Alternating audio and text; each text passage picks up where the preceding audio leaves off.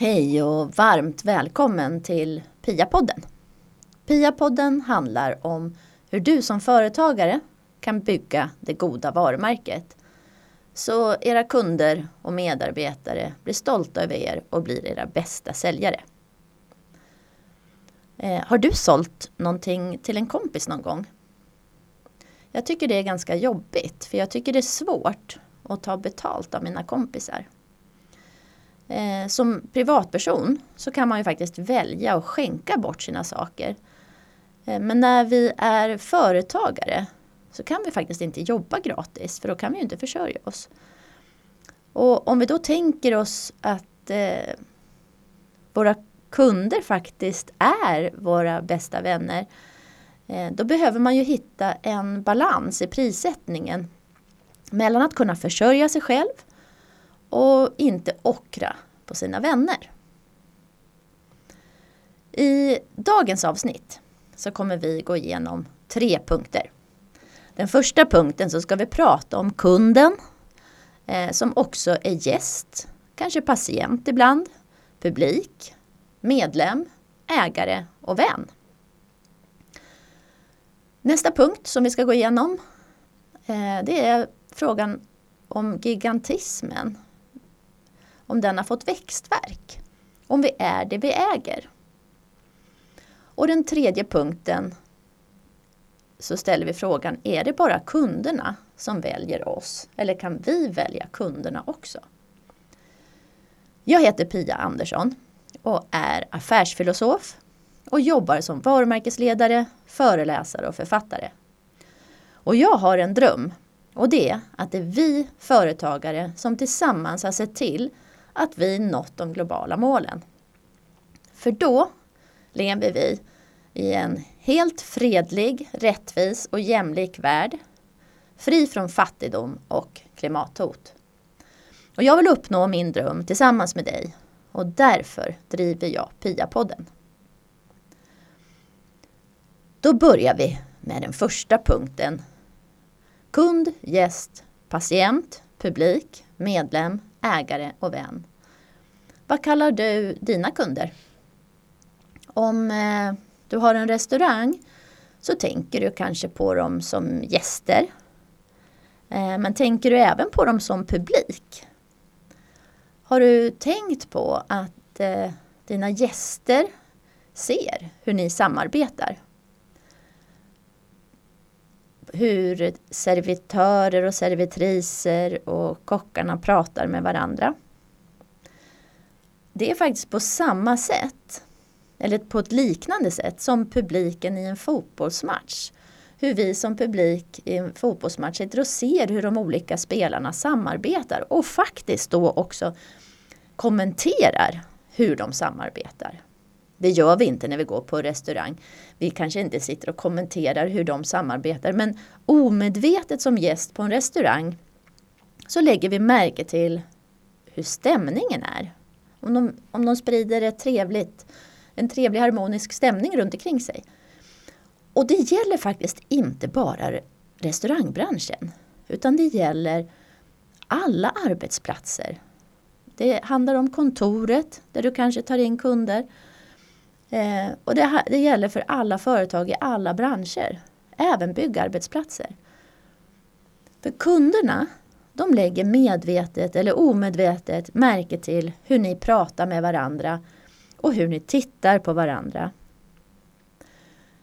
När medarbetare skrattar och skojar med varandra, så sprider de en glädje till alla runt omkring dem. Det blir ett ställe man vill vara på, där man trivs. När vi går på teater eller en fotbollsmatch, då är vi ju publik och kanske också medlem. När vi går till doktorn vill vi inte vara kunder, eller hur?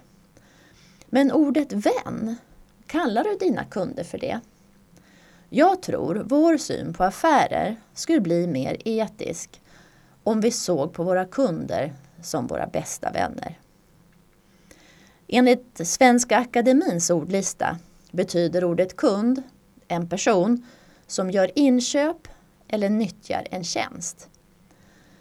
När jag googlar på ordet kund så kommer det några synonymer upp eh, såsom köpare, konsument, klient, spekulant, shoppare, beställare, besökare, stamgäst, gäst. Motsatsordet, vet du vad det är? Motsatsordet till kund? Jo, säljare. Kunder som är ens bästa vänner lurar man inte. Förr i tiden sågs ocker som en stöld. Hade man ett företag inom handeln eller i finansbranschen och tjänade för stora pengar så ansåg omgivningen den personen vara en ockrare. Ordet ockrare betyder procentare, penningutlånare, utsugare, blodsugare, tigerhaj, profithaj och utpressare. Vi är uppvuxna i en värld där den som har mest pengar har störst makt och beundras av media och folket. Vi har levt i en värld där konstant tillväxt och girighet har belönats. Och det har fått konsekvenser för vår syn på syftet med att driva ett företag. Ett företags normala utvecklingskurva mäts i ekonomiska termer och strävar efter konstant tillväxt. Kravet och förväntningarna på konstant tillväxt har påverkat vår syn på leverantörer, medarbetare och kunder. De har avpersonifierats. De har blivit som en opersonlig kugge i industrialismens maskineri. För vi skulle företag drivas på ett mer etiskt sätt om de inte växte sig större än att de kunde behålla en vänskaplig relation med kunder, medarbetare och leverantörer. Ja, över till eh, punkt två. Om det är så att eh, vi är det vi äger och också om gigantismen har fått växtverk. När jag läste till marknadsekonom på, i början av 90-talet och sen vidareutbilda mig till varumärkesstrateg la jag märke till att marknadsföringsstrategierna var slående lika krigsstrategier. Beskrivningar av konkurrenter och hur vi intar olika marknadsandelar med olika strategier. Vi ska inta en position i förhållande till våra konkurrenter. Man pratar om Unique Selling Points, USPar. De var först ut genom att inta olika marknader med unika produkter och pris som argument. Men när konkurrensen hårdnade ytterligare och det bara fanns prisargument kvar så lanserades ESPEN, Emotional Selling Point. Nu skulle vi bli det vi äger. Och det är lite spännande. För produkterna vi äger skulle då hjälpa oss att ge oss en status och en grupptillhörighet. Äger du, eh, vilken bil äger du? Äger du en eh, Audi, en Porsche eller en Toyota?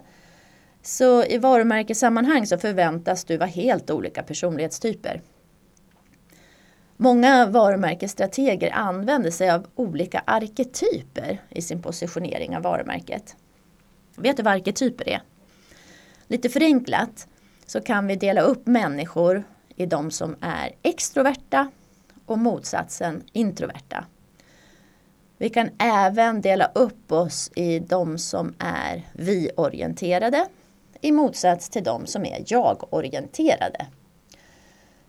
Lite förenklat så kan vi beskriva de olika arketyperna som eh, de lättsamma, det är en grupp, en annan grupp, de dynamiska, en tredje grupp, de självsäkra.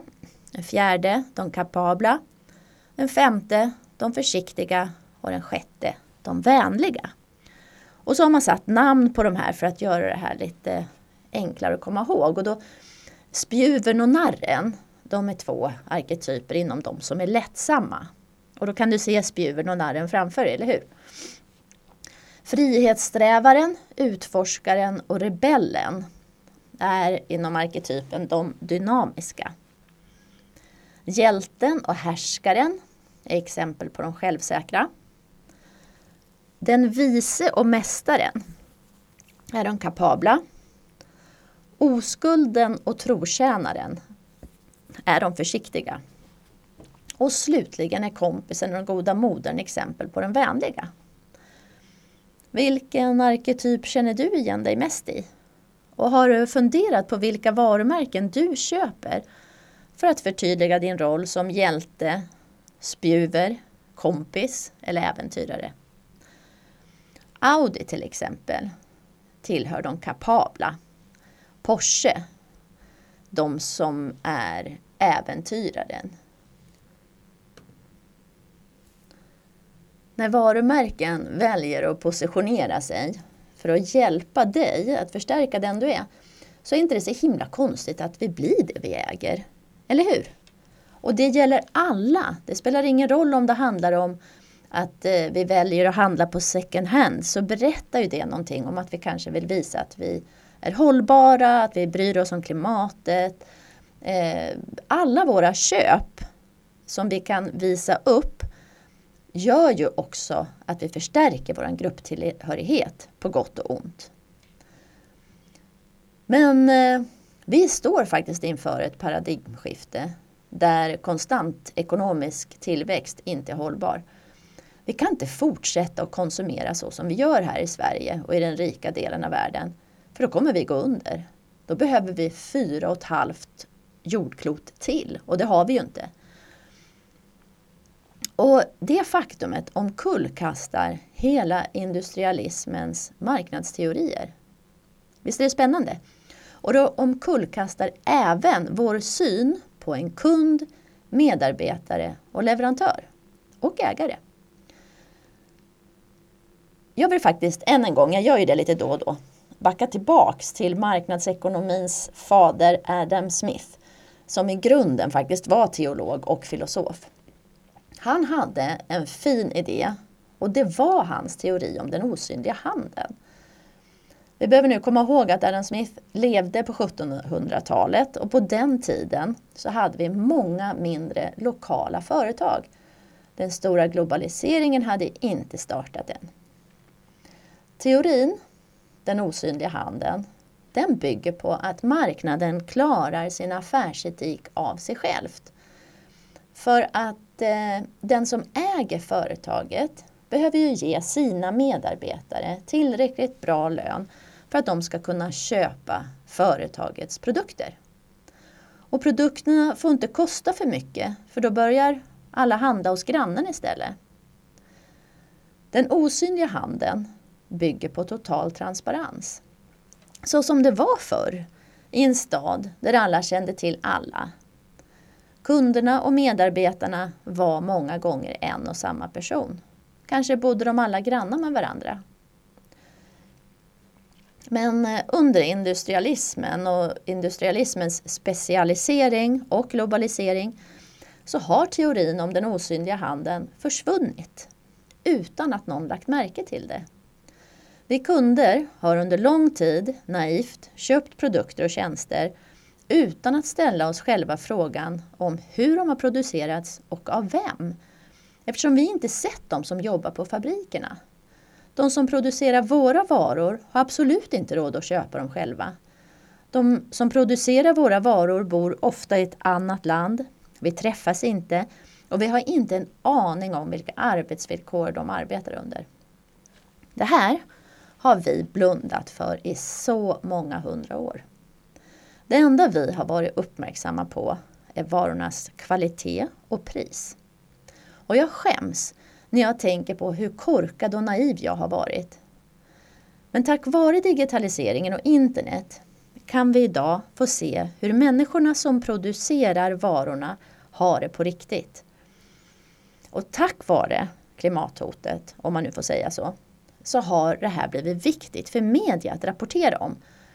Och tack vare det så har vi kunder blivit mindre naiva och mer krävande i våra köpbeslut. Jag menar därför att USP, Unique Selling Point, och ESP, Emotional Selling Point, behöver en dimension till, nämligen Sustainable Selling Point. Företagen som säljer varor och tjänster behöver idag inte bara argumentera för bästa pris och kvalitet och inte heller bara förstärka min image och grupptillhörighet.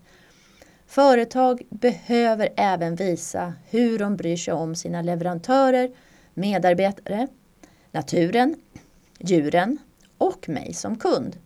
De behöver formulera goda anledningar till varför jag ska välja deras produkt istället för någon annans. Men om den ekonomiska tillväxten tidigare var den ultimata drömmen och det självklara syftet med all företagsamhet i den gamla marknadsekonomin. Vad ska då den nya marknadsekonomin ha för syfte?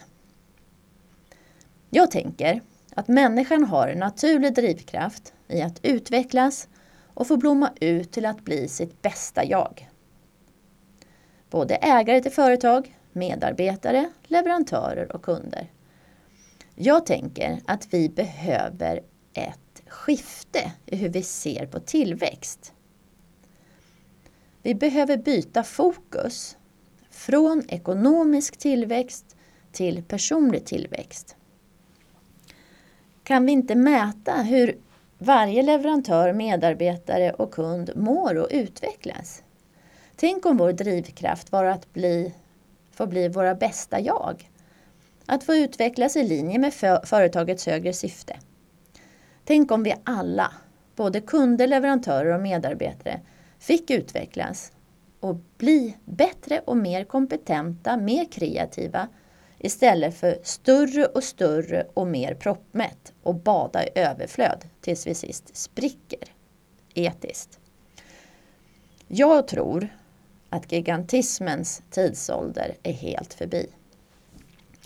I den nya marknadsekonomin så kommer vi ha en helt ny syn på kunder och på säljare.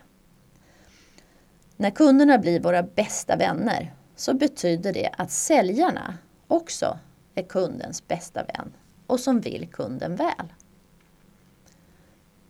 Tack vare digitaliseringen och internet kan vi faktiskt backa tillbaks till Adam Smiths osynliga hand in i en lokal småskalighet och bort från gigantism.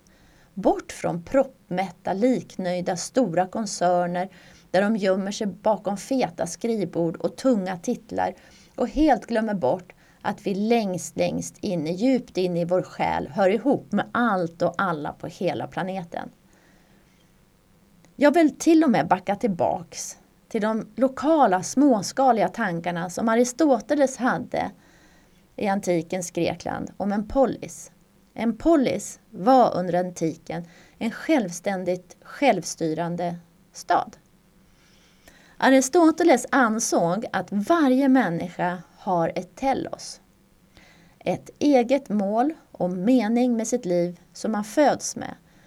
Och varje människa ska ha rätten att få blomma ut och bli sitt bästa jag i linje med sina bästa förmågor och karaktärsdrag och i samspel med sin omgivning från det lilla lokala till det stora globala.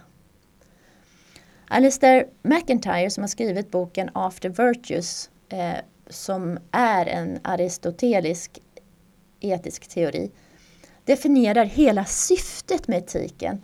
Att det handlar om att göra det möjligt för en människa att bli sitt bästa jag genom att hitta sin mening med livet. Jag tänker att vi kan översätta McIntyres aristoteliska filosofier och teorier till att omfatta ett företag. För jag tänker att ett företag på sitt sätt är som en slags självstyrande, självständig stat. Ett, en polis, en egen enhet i samhället. Och tänk när kunder, medarbetare och leverantörer söker sig till företaget på grund av att företagets högre syfte, på grund av företagets vision. Och när företagets vision går i linje med varje individs eget mål och mening med livet. Tack vare Adam Smiths osynliga hand, som i vår tid styrs av kunders och medarbetares och leverantörers krav på goda köpargument, sustainable selling points, så kommer företag att tvingas gå i en hållbar riktning om de ska ha något existensberättigande kvar på vår planet.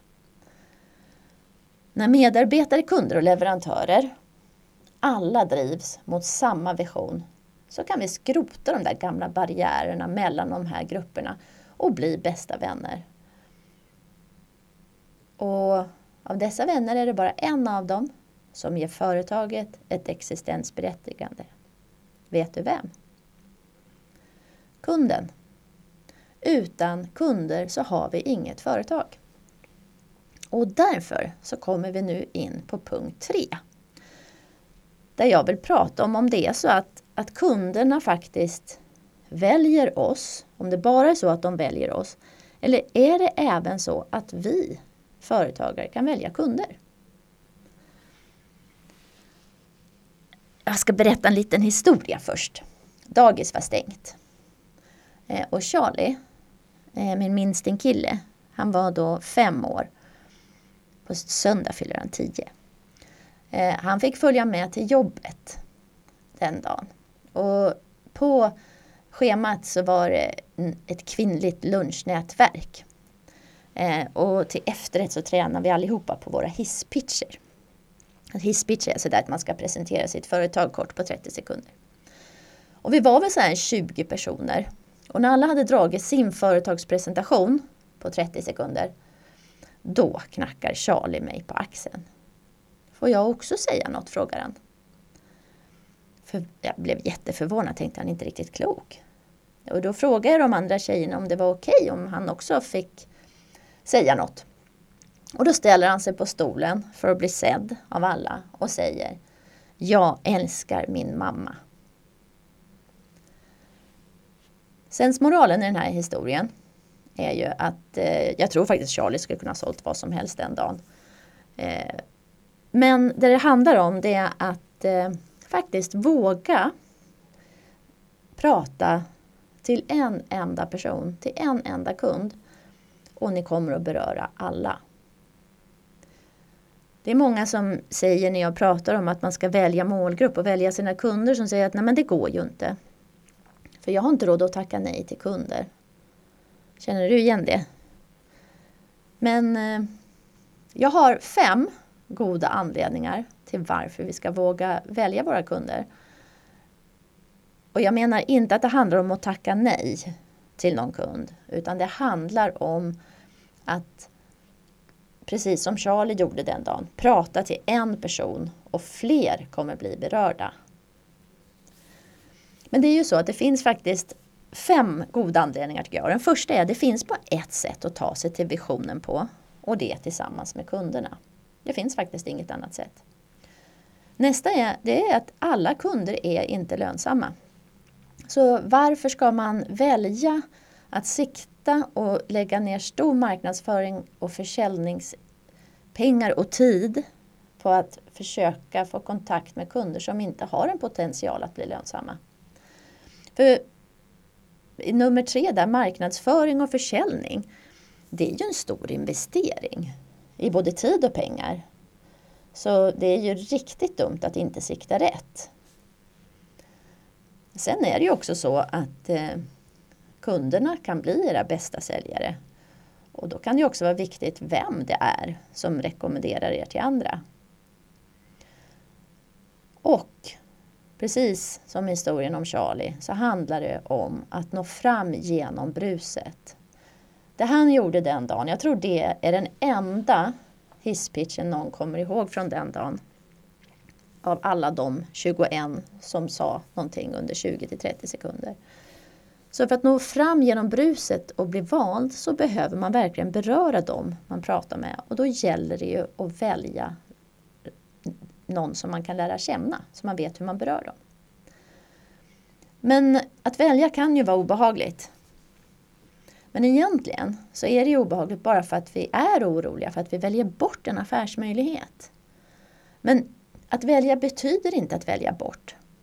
Att, att välja målgrupp och välja kunder handlar inte om att välja bort eller tacka nej till något, utan det handlar bara om att sikta rätt med vår försäljnings aktiva, proaktiva försäljnings och marknadsföringsinvestering. Jag har predikat det här i hela min yrkeskarriär. Hur viktigt det är att våga välja målgrupp och inte finnas till för alla och vända kappan efter vinden. Men när jag pratar om att välja målgrupp så är det ju inte bara de där demografiska variablerna som man pratar om som ålder, kön, yrke, inkomst, utbildning, intressen, civilstånd och så. Utan det gäller ju att hitta den där beslutsfattaren och veta vem det faktiskt är man pratar med. Om det är barnen i familjen som faktiskt är de som väljer vilka flingor man ska köpa eller om det är mannen i familjen eller om det är frun eller om det är på ett företag, om det är HR-chefen eller om det är VDn. Och verkligen få veta vem beslutsfattaren är och sen fundera över om den här beslutsfattaren skulle vara min bästa vän. Vilka egenskaper behöver den här personen ha då? Vilken slags personlighet? Och Det handlar ju dels om för att hitta en, en beslutsfattare, en kund som man kommer ha en bra relation till. Eh, men också för att få den här drömkunden framför sig och kunna förstå den personens situation, problem, behov och förväntningar. Så att vi kan lova dem rätt saker som sticker ut i mediebruset och beröra dem med sustainable selling points. På ett ärligt sätt som de inte kan motstå. I boken Bygg det goda varumärket så finns eh, det mer information om hur man gör. Men lite kort så vill jag ändå berätta att man gör så här. Så här brukar jag göra. Eh, man skalar ner den här målgruppsbeskrivningen till en enda person. Du kan kolla, kalla den för en drömkund. Och du lär känna den personen. Du kan till och med ringa upp eller intervjua. Det kanske till och med är någon du känner. Och, och lära känna de här eh, den situation som de lever i med de problem och behov och förväntningar de har på dylika produkter eller tjänster som du erbjuder. Eh, och utifrån det mejsla fram rätt budskap. För när du har gjort det och kan beröra den personen, då är det faktiskt så att du kan skala upp målgruppen och upptäcka att det finns tvillingar till den här personen överallt. Så med det här starka budskapet som berör en person i synnerhet så har ni chansen att beröra många fler i allmänhet. Och med en stark vision så är det lättare att attrahera rätt kunder. För när man har en stark vision med sig som sitter i hjärtat så kan man bjuda in kunderna på en resa mot visionen tillsammans. Att gå där tillsammans. För det är bara tillsammans som ni kan ta er till visionen, tillsammans med kunderna. För det finns inget annat sätt. Och det går enklare och snabbare och det blir mycket roligare när man väljer rätt kunder. Kunder som har samma intention som ni, men som också är lönsamma, roliga, inspirerande att jobba med och som kräver rätt saker av er, som, som utvecklar ett företag i rätt riktning. Men jag tänker sådär, lönsamhet, alltså det kan ju mätas på så många olika sätt. Ett sätt att räkna det är att titta på vad en kund omsätter i, ekonom, alltså i pengar per år för företaget. Ett annat sätt är ju att mäta den tid kunden tar från varje medarbetare. Är det en besvärlig kund som hittar fel överallt och som gör alla medarbetare på dåligt humör, då kan man ju undra hur mycket det kostar företaget egentligen. Så det gäller ju verkligen att hitta rätt kunder ur ett lönsamhetsperspektiv. Både om man tittar utifrån ett ekonomiskt men också de kunderna som ger en energi. Så det gäller att inte sprida de här marknadsföring och försäljningsresurserna, allt det ni gör i sociala medier eller när ni går i olika nätverk eller vilka ni kontaktar. Så att, att inte bara sprida dem med vinden utan att sikte utan att det är prickskytte.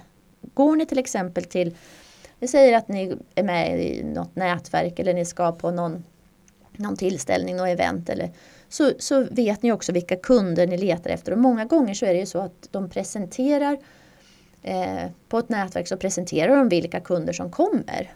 Och där kan ni gå in och titta att jaha, där har jag den där inköpschefen eller där är den där VDn. Eller, och då kan ni ju faktiskt bestämma er för att just den här morgonen under den här frukosten så ska du i alla fall gå fram och säga hej till den här personen.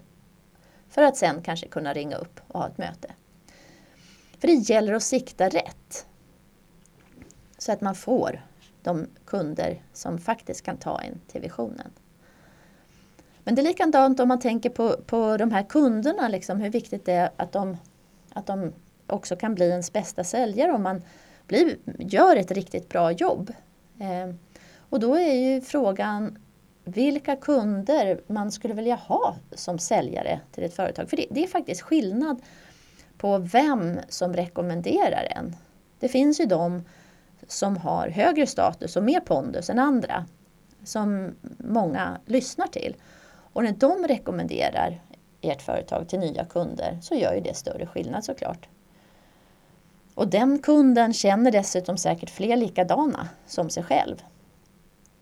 Och när alla de kunderna blir era bästa säljare, då är företaget en framgångssaga. Men det handlar om att skala ner målgruppen för att sedan skala upp och beröra fler. Men om du vill veta mer om det så kan du eh, läsa det i boken Bygg det goda varumärket för där finns precis allt det du behöver för att kunna skala ner till en drömkund och skala upp och hitta det där budskapet som berör. Avslutningsvis. I den bästa av världar är vi bästa kompisar med våra kunder, medarbetare och leverantörer. Och vi har hittat en god balans mellan att kunna försörja oss och inte ockra på kunderna. Aristoteles lär ha sagt att det är bara goda människor som kan räkna sig som intelligenta människor. Och den tesen gillar jag jättemycket. För i vår värld så anser många att de som skapat sig en förmögenhet, status och makt är intelligenta varelser oavsett på vilket sätt det här har gått till.